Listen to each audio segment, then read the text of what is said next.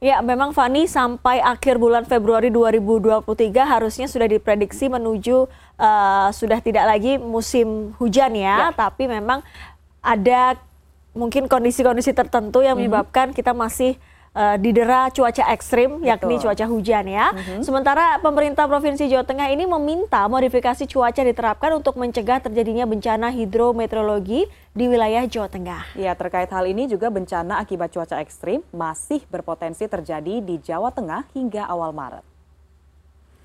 Kepala Pelaksana Harian Badan Penanggulangan Bencana Daerah Jawa Tengah, Bergas Catur Sasi Penanggungan pada Senin menyatakan Penggunaan teknologi modifikasi cuaca akan dilakukan selama sepekan mulai Rabu 1 Maret. Ini adalah permintaan Pemprov Jawa Tengah menyusul munculnya gejala cuaca ekstrim di Jawa Tengah selama yang memicu banjir di sejumlah daerah. Ya, BPBD bekerja sama dengan Badan Riset dan Inovasi Nasional atau BRIN, BMKG, dan TNI Angkatan Udara.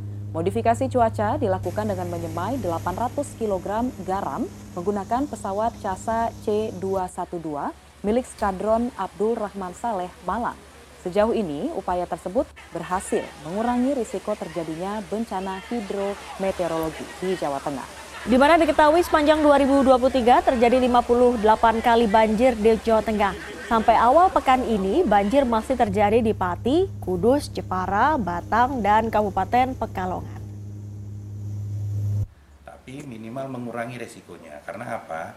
Jadi bagaimana teknologi ini digunakan tujuannya adalah untuk menurunkan hujan di tempat-tempat lokasi yang tidak e, beresiko terjadinya bencana. Misal di tengah laut atau seandainya sudah masuk daratan itu dipecah-pecah